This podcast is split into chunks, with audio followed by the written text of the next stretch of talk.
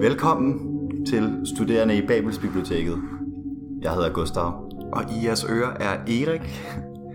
Studerende i Babels Biblioteket, vi er en podcast om filosofi og psykologi primært.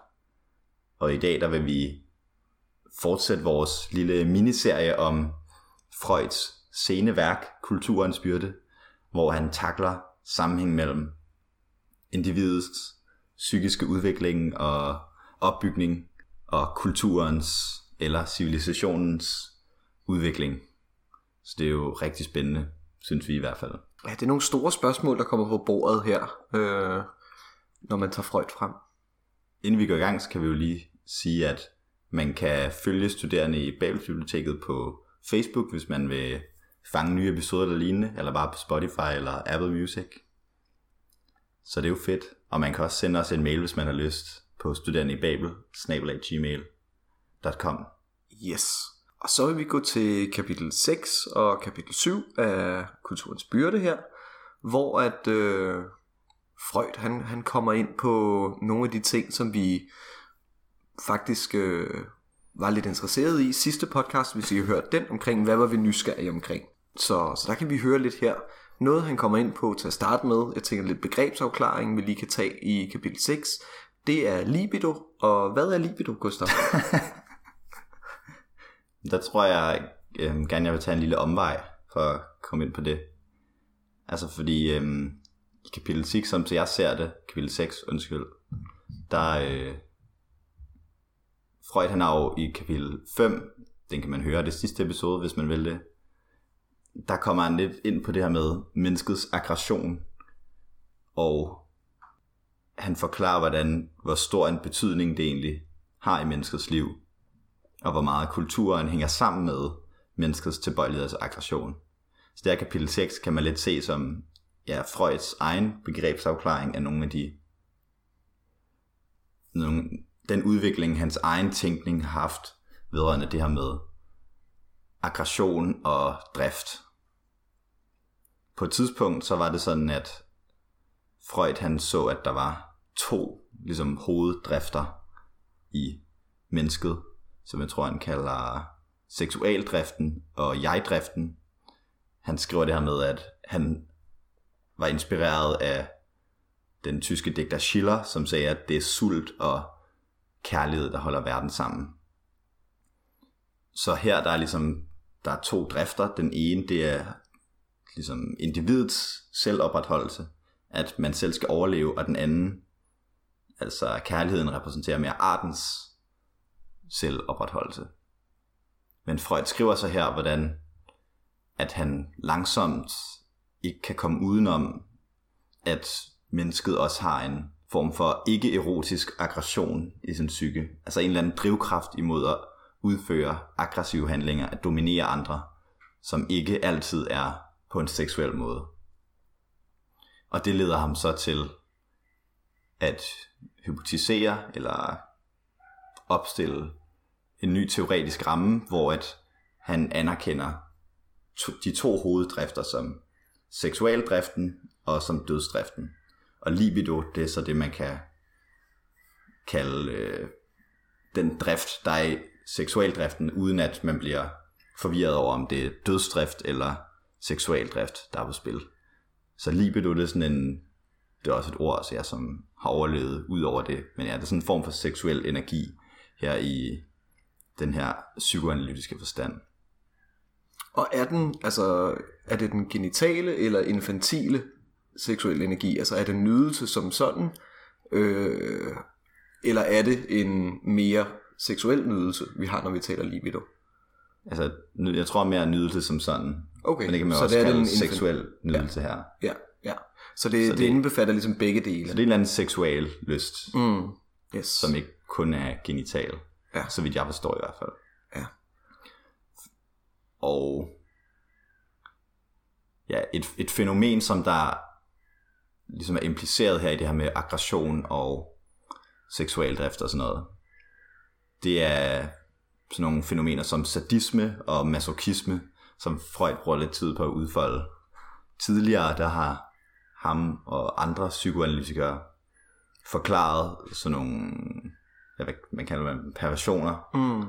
som sadisme alene ud fra seksualdrift. At der er simpelthen et eller andet, noget i den psykoseksuelle udvikling, man gik igennem, som førte til, at man kobler vold og aggression med seksualitet. Og det lod sig egentlig forklare til en vis grad, mener Freud i hvert fald. Mm. Det er selvfølgelig også klart, når han selv er psykoanalytiker. Mm. Men når man så får den her dødsdrift ind over, så ser han det mere som sådan nogle fænomener som sadisme, en form for sammensmeltning mellem seksualdriften og dødsdriften, at man kobler det seksuelle med det voldelige og det aggressive på en eller anden måde, om det så er mod en selv i en mere masochistisk forstand, eller om det er mere udadrettet som, som sadisme. Så det er noget af den, ligesom det grundlæggende begrebsapparat, han, han er udfolder, mm. for senere bedre at kunne, kunne forstå kulturens udvikling, og hvorfor kulturen er til. Ja, og han siger, at før kunne vi godt forstå for eksempel den her sadisme, som psykoanalysen har beskæftiget sig med før, kun med seksual øh, driften. Men det kom så i virkeligheden af, altså dødsdriften, at Freud skriver, at man har overset den ikke-seksuelle aggressive adfærd, som der er, synes han, meget åbenlys. Altså øh, aggressiv adfærd, som der ikke umiddelbart kan kobles til øh, en umiddelbar lystfølelse, eller øh, Eller måske endda, der også er en, en lystfølelse i, i det, også selvom der ikke på den måde er nogen kropslig berøring, mm. eller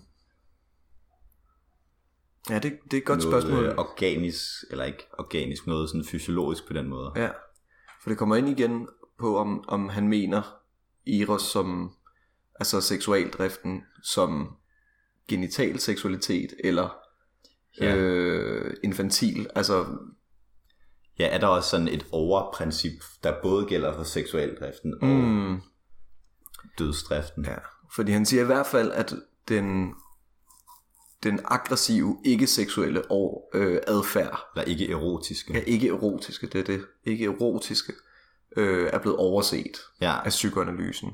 Blandt andet fordi mener Freud, at man som samfund, som religiøst samfund, ikke har vel anerkende, eller i hvert fald har svært ved at anerkende, at der er noget ondt i mm. mennesket og i børn og sådan.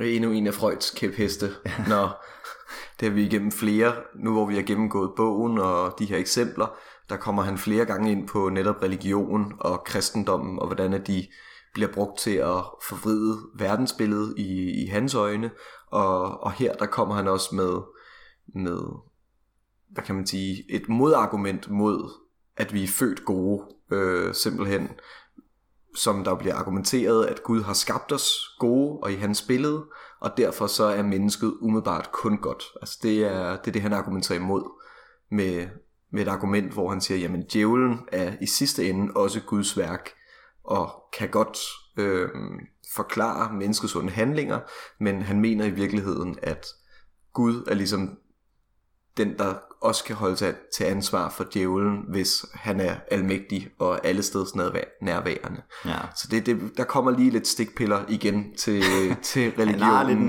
en- han er lidt bitter over kristendommen og sådan noget, og hivedommen, mm. kan man godt mærke. Ja.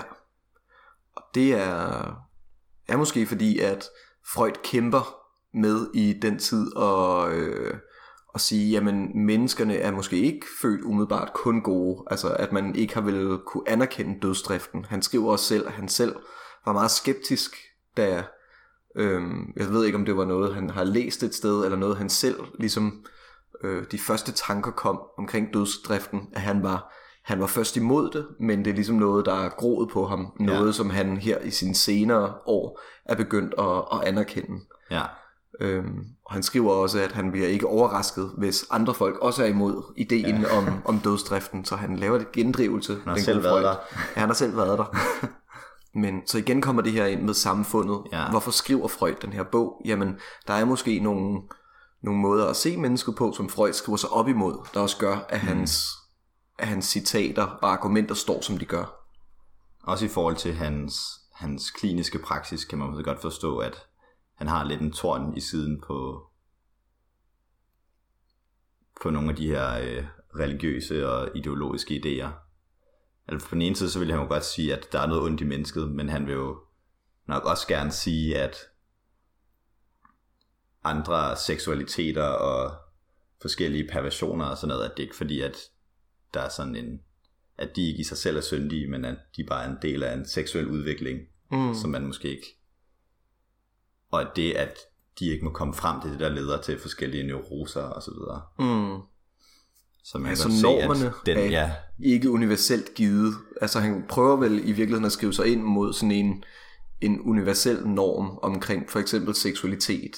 Og sige, jamen det er, at altså, vi har normer om seksualitet, men det er ikke seksualiteten i sig selv, der er sygelig. Det er, at vi bliver nødt til at undertrykke det i samfundet, ja. der gør folk øh, syge og kede af det. ja, Det er sådan, jeg tolker det. ja. Øhm, Men ja, så der er den her, ifølge Freud her, grundlæggende fundamentale drift i mennesket mod aggression i sig selv, mm, som også beskrives som en trang til at vende tilbage til det uorganiske, hvor at, altså, eros eller seksualdriften, vil man kalde det, er en trang til at sprede livet, så det her er en trang til at slutte livet, mm, hvor lidt paradoxalt det end kan lyde, at mm. Et levende væsen oplever det, men at vende tilbage til noget uorganisk stof. Jeg tror også, at i sidste afsnit talte vi omkring, hvordan at Freuds menneskesyn ligesom kom frem i det, han skrev omkring øh, måske noget kynisme omkring menneskelige relationer og menneskelig aggression. Og det bliver ligesom også, synes jeg, øh, cementeret i 6. kapitel, hvor at han direkte skriver, at hans standpunkt er, at jamen, mennesket er instinktivt øh, aggressivt, øh, eller har i hvert fald en, et instinkt for aggression, øh, og det er en af hovedårsagerne til, at vi mennesker har problemer med civilisationen, mm. øh, og har de problemer, som, som vi blotlagde i første afsnit, omkring, jamen hvad er det for nogle problemer, vi mennesker løber ind i, når vi prøver at strukturere et samfund. Ja. Så hele, hele den her udlægning af den nye driftsteori, som han udvikler i, det her med dødsdriften, som han udvikler i, jeg tror værker som hinsides lystprincippet og sådan noget. Ja. I 20'erne er det vist. Ja. Det fører så frem til, at han skriver, at kulturen egentlig i hovedsageligt er til for at hæmme menneskets trang til aggression. Fordi at vi har den her iboende drift imod at skade hinanden Mm. i virkeligheden. Og at det er en af kulturens sådan, hovedformål, kulturprocessen. Og han beskriver det, øh, sådan, til allersidste kapitlet beskriver han det sådan her. Og nu tror jeg ikke, at meningen med kulturudviklingen længere kan være dunkel for os. Den må vise os kampen mellem eros og død, mellem livsdrift og destruktionsdrift, således som den fuldbyrdes i menneskeslægten. Denne kamp er det væsentlige indhold af livet overhovedet, og derfor må kulturudviklingen kort sagt betegnes som menneskeslægtens livskamp. Og denne giganternes strid vil vores barnepiger bringe til tavshed med en vuggevise. Så han opsummerer det vel lidt ved at sige, at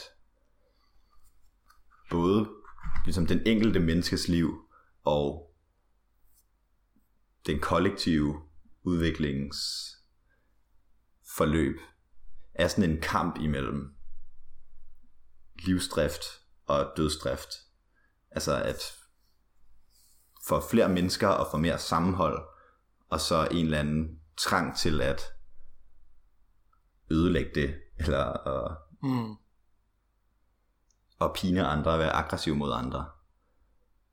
Og kulturen, den repræsenterer så på en måde livsdriften, altså at der kommer flere mennesker, og at mennesker bliver samlet fra først fra familier i samfund, og også fra samfund til større nationer, og fra nationer til hele menneskeheden. Og det spiller jo også utrolig godt sammen med den her sætning, som vi diskuterede sidst med, at du skal elske din næste.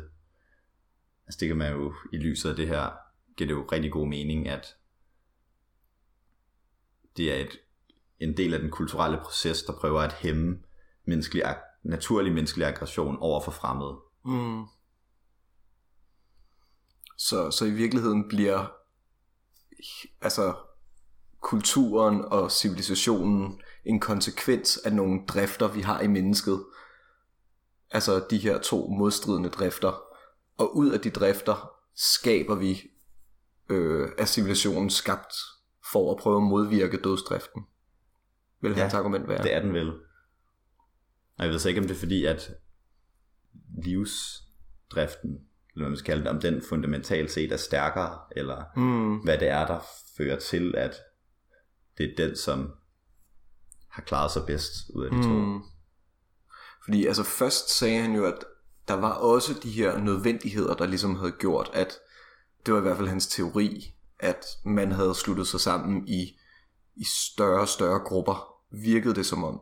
Men det ville jo være en måde, på en eller anden måde, at sige, altså at give kulturen noget liv, øh, som der ikke er, at den på en eller anden måde svæver i sig selv og har en agens, men at kulturen er født, måske endda kan man sige emergerer, ud af de her modstridende kræfter, der findes i mennesket. Mm.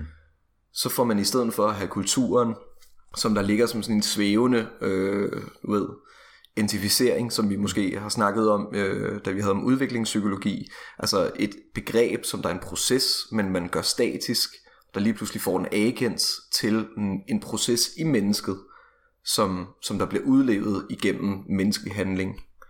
På den måde giver det faktisk mere mening i forhold til, øh, til altså logisk med kulturen. Øh, men ja, så spørgsmålet er så, om man køber historien. Men det vil vel også sige, det her, vi har jo talt om før, at den kulturelle proces også virker undertrykkende for individets seksualitet. Mm. Det var meget det, der var fokus på i de, i de tidlige kapitler. Hvor her virker det som om, at den primære funktion af kulturen, det er at undertrykke den enkeltes aggression. Sådan så, at vi, sådan så menneskerne kan leve sammen og overleve, og som du siger, arbejde og sådan. I den stil. Mm.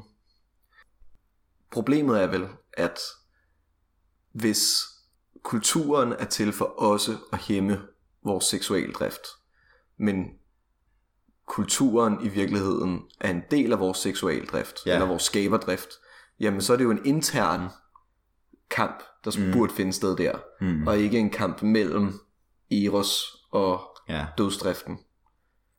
Så ved jeg ikke om ideen er det her med, at, at når Eros prøver at føre livet videre, så giver det bedst mening, at det er en, at mennesket får udledet sin seksualitet på en måde, så det skaber flere børn. Mm. Altså så, at det bliver det her meget restriktive, øh, heteroseksuelle forhold, der, er- der er kultur for. Om man skal forstå det på den måde. Fordi ja, vi, vi talte jo om før, at, at kulturen i forhold til seksualitet også begrænser individet væsentligt. Mm. Altså at det var en af årsagerne til, at der kom alle de her neurotikere, at der var en så restriktiv seksuel moral tilbage i Mm. Freuds tid. Men det virker også lidt som om, der er en udvikling i bogen her, i forhold til, at han var en del mere kulturkritisk før, måske. Altså at, at individets liv i virkeligheden var så dårligt på mange måder, fordi at samfundet Himmel. begrænsede det Ja, på så ja. mange måder, hvor her så virker det jo, kan man jo ret klart se, at vi er nødt til at have noget, der hæmmer den enkeltes trang til vold og død og ødelæggelse. Mm. Ja. Ser du det samme? Ja, jeg ser det samme, og jeg, jeg... Altså, han er jo stadigvæk på en eller anden måde kritisk over for... Øhm, Han vil jo stadig gerne lave et bedre samfund, hvor der for eksempel ja, der er mere åbent over for andre seksualiteter end den heteroseksuelle i ægteskabet. mm, Men det bliver også klart her, at man ikke bare kan vende tilbage, eller altså fjerne alle begrænsninger. nej, fordi For det er samfundet. rodfæstet. Altså, det er vel på et eller andet sted rodfæstet i mennesket, at de her problemer er der. Og det så det kommer videre i de strukturer, som vi mennesker laver, fordi at det er Ja. en del af vores natur, af mm. hans pointe vel. Så, så han er kritisk over for kulturen stadigvæk, men på en eller anden måde begrunder han det så også i, i mennesket, altså den måde, vi, vi er skabt på. Ja. Eller det, som han forklarer om i kapitel 7. Men det, det næste spørgsmål er jo så her i kapitel 7. Hvilken mekanisme er det så, der fra kulturen, der prøver at hæmme individets drifter til aggression især, men også til, til øh, seksualitet, vel? Mm. Og Freud prøver at gå igennem, jamen, hvordan er det her, der hæmmer os, øh, de her, den her seksualitet og den her aggression, altså overjeget eller superegoet, jamen, hvordan er det opstået? Hvordan kan man forestille sig, at ja, at den struktur er blevet så vigtig en del af menneskets psyke? Ja, så helt grundlæggende så er det overjeget en af de tre psykiske instanser i psykoanalysen, der prøver at hæmme den enkelte drifter, ifølge mm. Freud. Ja. Og Freud går igennem, øhm, hvad kan man sige, ligesom de her forskellige, ligesom han prøver at distinguere mellem skyld og samvittighedsfuldhed, jamen så siger han, at øh, vi har sådan en naturlig skyld, skyldfølelse, øh, som der ligesom er rettet mod frygten for autoriteter, altså kærlighedstab fra en autoritet.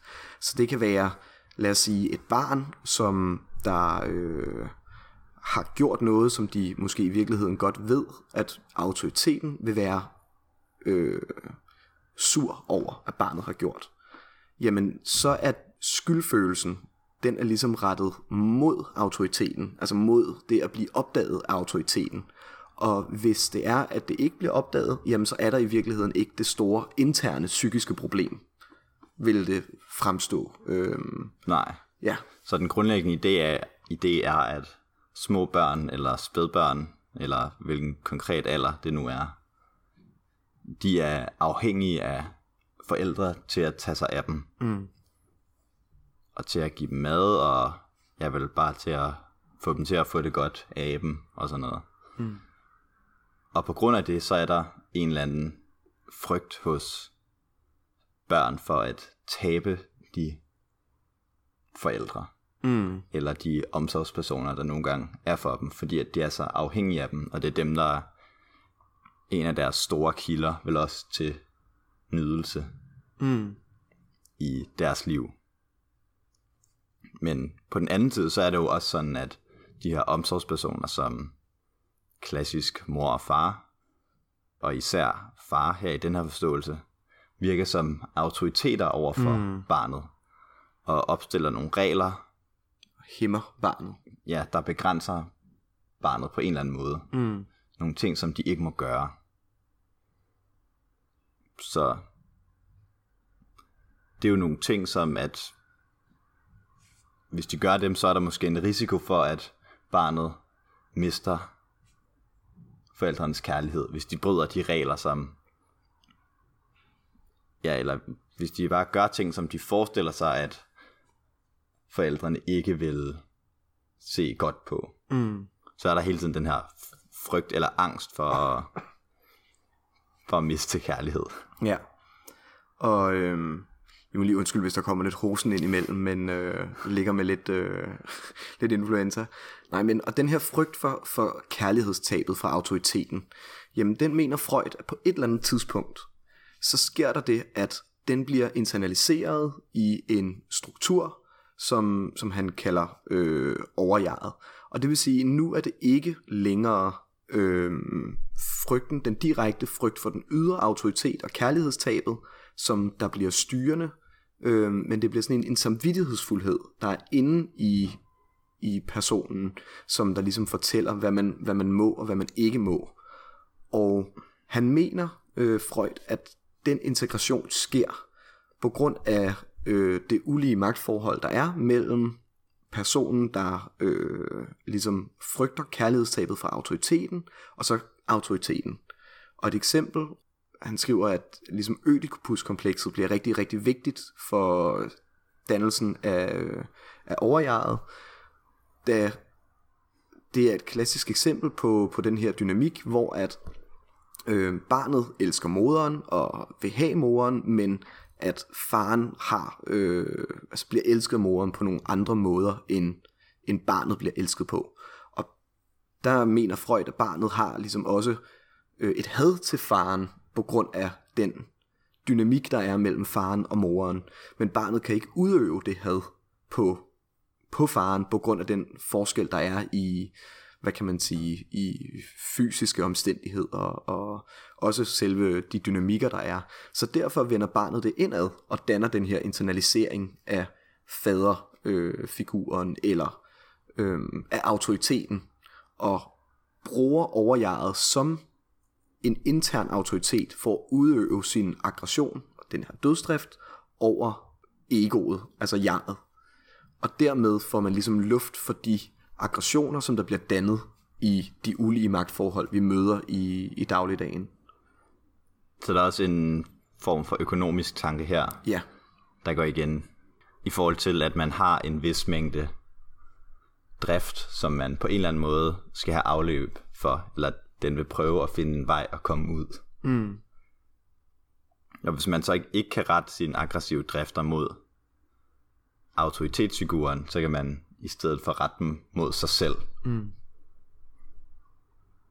Og det er jo meget... Øh, det er måske en indsigt, som psykoanalysen i højere grad kan komme til en anden retning. Det er lidt paradoxale, hvor han går også meget ind i Freud.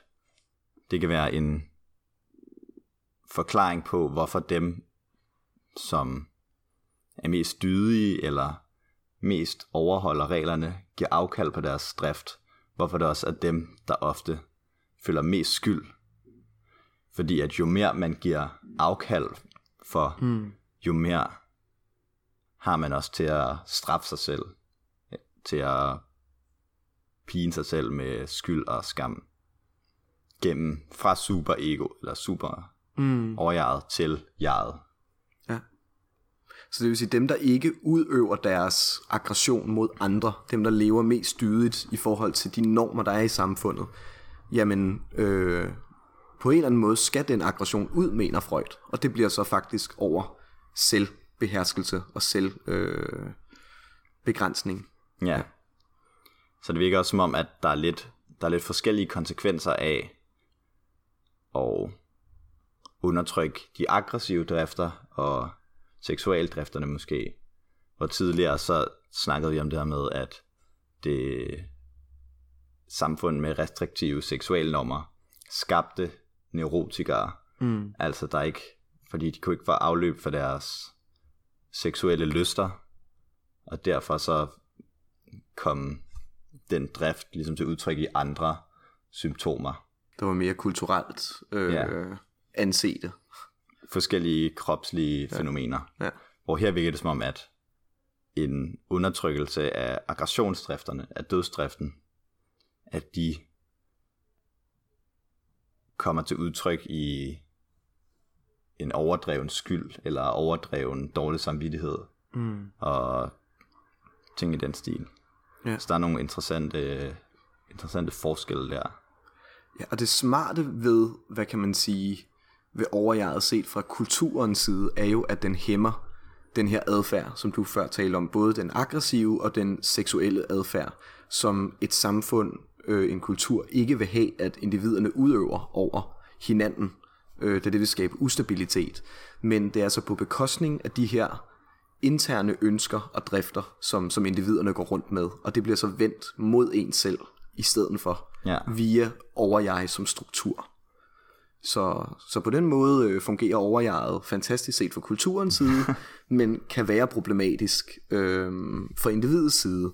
Og det er så også i sammenhæng med, at på et eller andet tidspunkt, altså forældrene, øh, hvad hedder det, overjeget skabes generelt øh, med forældrene som, hvad kan man sige, billede, mener Freud.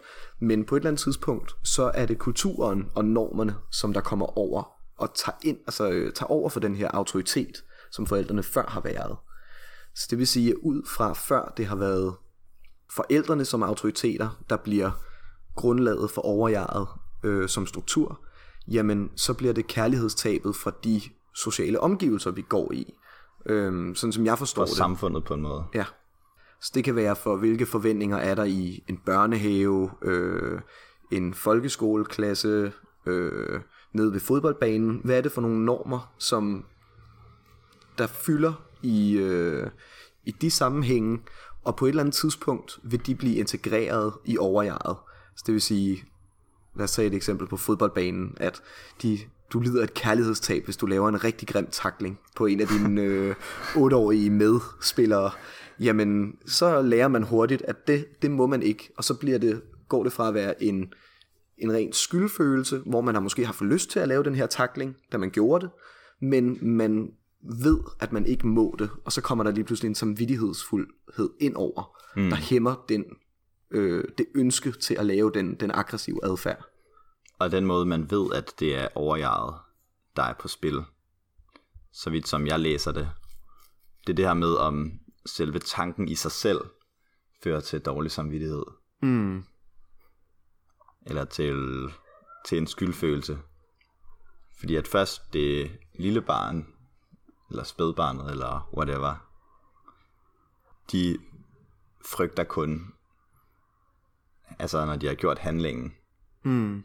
når, de, når autoriteterne har kunne se, at de gør noget, som de ikke må. Og progressionen med overjaget, det er, at også ideen i ens egen psyke om at gøre noget, som man ikke må, bliver også skyldigt. Fordi at overjaget er jo en del af det enkelte subjekt, så de ser også, Mm. det ser også tankerne, hvor at adfærden skal jo være observerbar på en, Ja. en helt anden måde. Ja. Så det er faktisk selv bare tanken om at ville udøve den her øh, grimme takling, vil få barnet til at Ja, øh, superegoet til at, at reagere og lave en... Øh, jeg tror faktisk også, jeg kommer til at bytte rundt. Jeg læser den på engelsk, så det første det er skam, og det andet det er skyld. Altså den internaliserede af skylden, hvor skammen er det, der kommer, når handling er udøvet. ja det kan godt passe. Ja, ja det er... ja. Så det er jo det er jo meget det, det individuelle plan, Mm. vi har diskuteret. Men Freud prøver også at bringe det her op på et kollektivt eller fylogenetisk, Mm. eller måske også sociogenetisk plan. Det er jeg ikke helt sikker på. Men i hvert fald beskriver han, ud over den her, i ligesom den enkelte livsbane, den enkelte ontogenese, hvor at overjaget opstår på basis af Oedipus-komplekset, så beskriver Freud også en, en form for mytisk tid, der hænger sammen med det vi tidligere har, jeg tror måske kapitel 4 eller 3 eller sådan noget, hvor det bliver beskrevet, at brødrene de går sammen for at dræbe faren eller stammehøvdingen eller hvem det nu var. Altså den der var ligesom patriarken tilbage i måske stammetiden eller noget sådan en form for enevældig autoritet, ja. Der har magt over hele familien som, som gruppe, og måske endda også endda større grupper end familien. Ja, og her blev det jo beskrevet, hvordan at ja, kulturen den opstod, ligesom da de mange gik sammen mod den ene stærke, der tidligere har tyranniseret dem. Og så kunne de ligesom skabe de første takter til et samfund. Men når man så får det her med overjaget på, så sker det lige pludselig, at når de begår fadermordet, at de også føler en form for skam, eller hvilket begreb du sætte på det her? Ja, skammen kom efter. Mm. Men på en eller anden måde er der ikke nogen autoritet til at give dem nogle konsekvenser, og så bliver altså det her mytiske fadermor bliver ligesom dannelsen af superegoet som struktur. De har gjort noget, der er ubærligt. Øhm, vi bliver nødt til at have nogle, en struktur, der regulerer vores handlinger, da der ikke er nogen autoritetsfigur til at hvad kan man sige, lave et kærlighedstab, og dermed integreres faderen som superego, altså den, den tidligere dræbte fader, sådan som jeg forstår det, bliver integreret som superego mm. i, øh, i sønderne. Og vi har haft lidt svært ved at forstå, hvor bogstaveligt man skal opfatte det her fadermor. Ja. Øhm, altså om Freud er jo kendt for at skrive meget flot med billeder, øh, bruger Eros og øh, altså sådan nærmest gudeskikkelser til at beskrive de her følelser, og hvor, hvor, besk- hvor bogstaveligt skal man tage det her fylogenetiske fadermor, og kan sige, jeg synes, jeg tolker ud fra det, at han mener, at på et eller andet tidspunkt i historien, så må den her samvittighedsfuldhed være opstået. Altså der, der må være sket et eller andet, som der har gjort, at den er blevet lavet, fordi vi, eller dannet, vi, vi er en af de eneste arter, som, øh, som der umiddelbart har den måde øh, at tænke på, tror jeg Freud vil sige. Så derfor må det være opstået på et eller andet tidspunkt. Der Ja. ja. tror jeg, han mener, at det godt kunne være et eller andet, et fylogenetisk traume, der ligesom har, øh, har gjort, at... Ja. Ja, og spørgsmålet er jo så, hvordan finder man ud af, hvad der er sandt, når man kommer med sådan en anden type forklaringer. Ja. Altså beskriver ting, der er sket i urtiden, så at sige. Mm.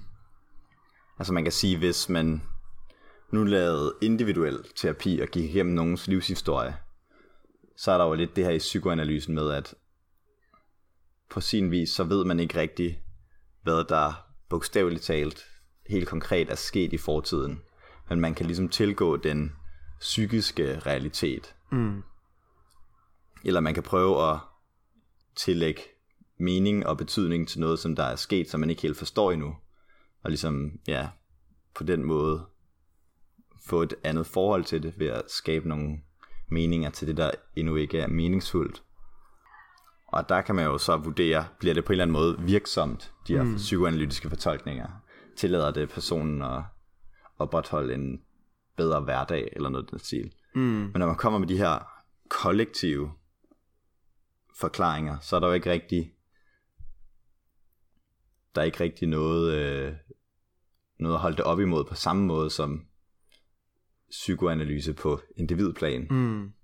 Så det bliver lidt mere, Det bliver nogle for- forklaringer, der det sværer. er lidt mere sløret. Ja. For man kan godt sige, at vi godtager den her forklaring som samfund. Mm. Men hvad, hvordan, kom- hvordan kommer det så til udtryk? Ja. Hvor at, ja, der er det vel meget sådan konsekvenstænkning. Hvad er resultatet af forklaringen? Hvor Ja. en anden forklaring, som der også er vel svær at bevise helt øh, konkret, kunne være, at jamen, der er sket en lille mutation på et eller andet tidspunkt, der har gjort, at jamen, øh, vi har langt højere grad taget os af, hvad andre tænker om os, øh, og hvordan vi agerer i sociale øh, sammenhænge, og det har ikke været der før, og lige pludselig bliver der tænkt på en anden måde, på grund af en eller anden lille eller stor mutation, og det er vel svært at bevise, det kan være en ja. anden forklaring, så der tænker jeg, at psykoanalysen vil vil sige, jamen den forklaring, der giver mest mening for dig. øh, men ej, det ved jeg ikke, om de vil. Det er også lidt vattet. Det, ja. Fordi det, det er svært, altså, øhm, da vi snakkede om det, sagde du, Gustav, jamen, hvordan, øh, altså, er det så noget, der er sket rundt omkring i forskellige samfund, eller er det én person, der ligesom har, altså, hvordan skal det forstås, det her med den urmennesket, der oplever fadermordet? Det er jo et godt spørgsmål, altså, det er svært at forklare, hvordan det skulle være spredt ud til hele verden, øh, Ja. Jeg ved ikke om... Eller om det er mere noget, der sådan metaforisk sker igen og igen. Ligesom at...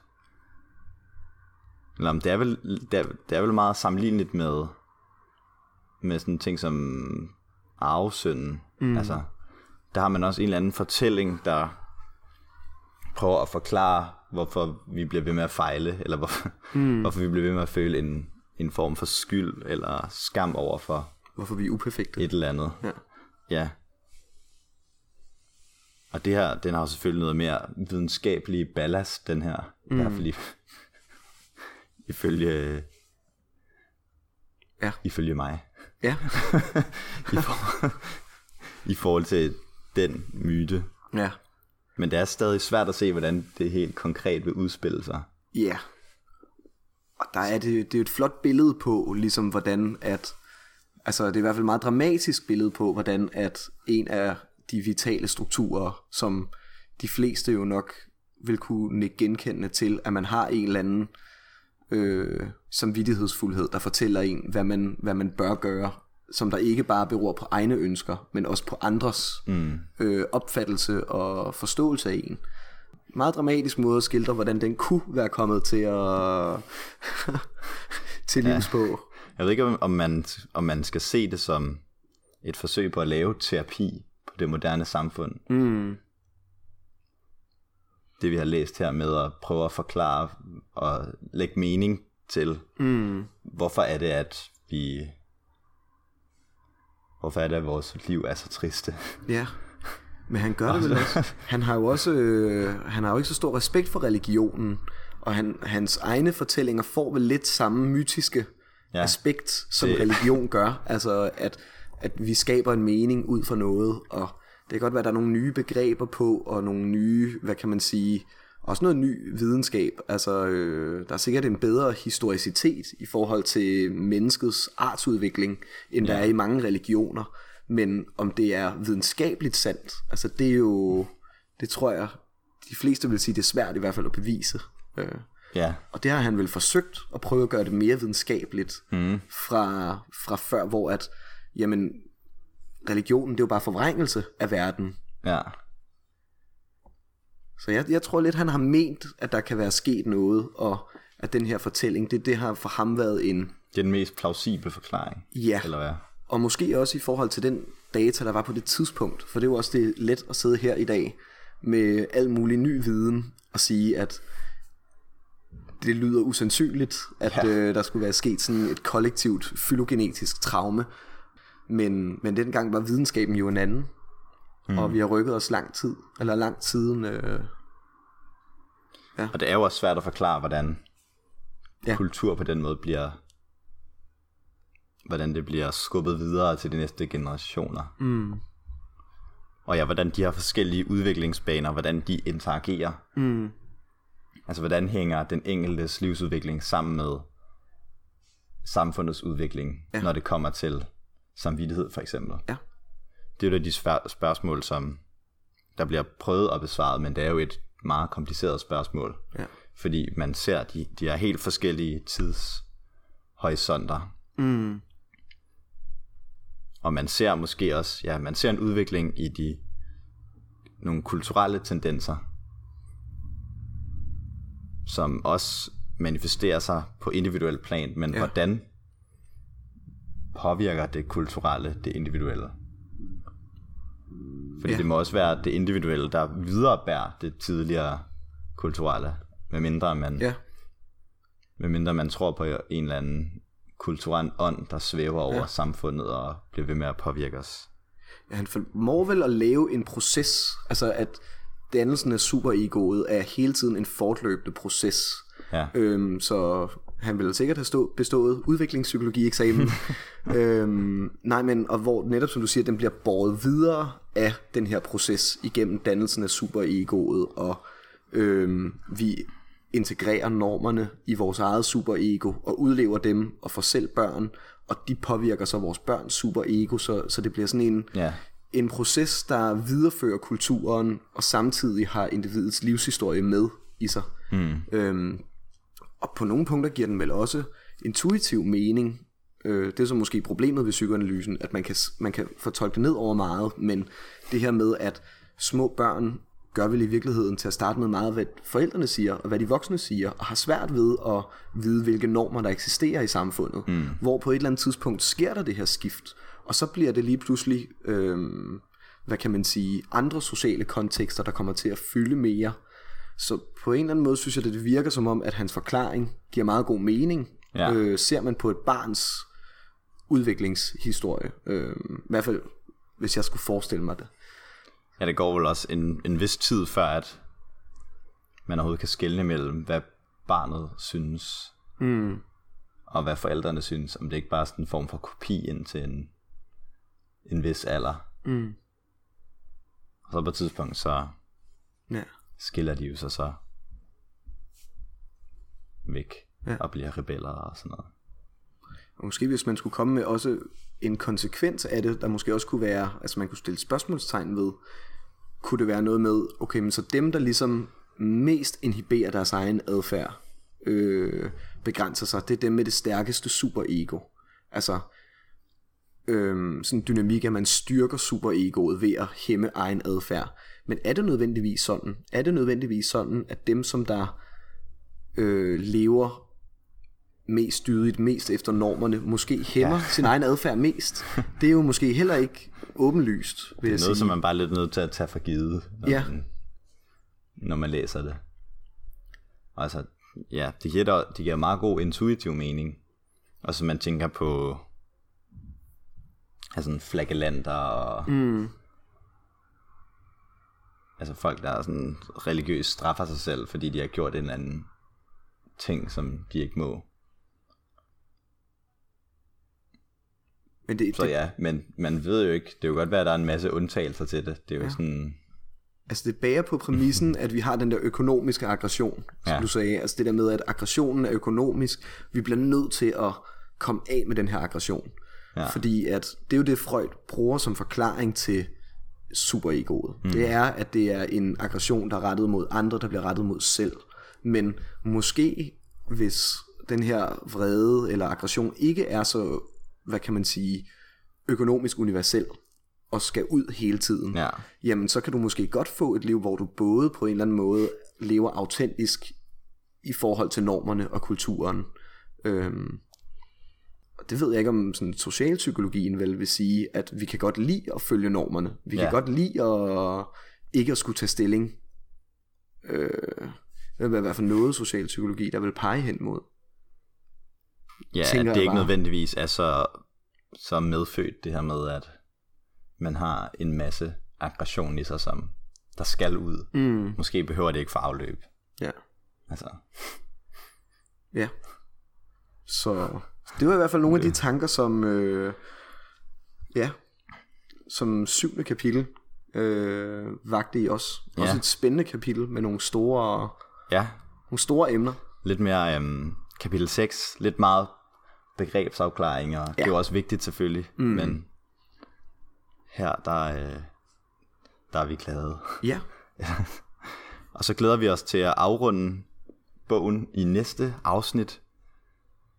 The Grand Finale. oh ja, det bliver spændende. Den store udløsning. Så nu har vi også været i gang med Freud i noget tid. Så det bliver måske fint at komme, komme væk, hvis der er nogle Freud-hatere derude. Tænkte, åh oh, gud, endelig. Så er det nok ikke nået så langt her, men øh, Nej. det må så være det. Ja, men tak for den her gang. Og vi lyttes ved.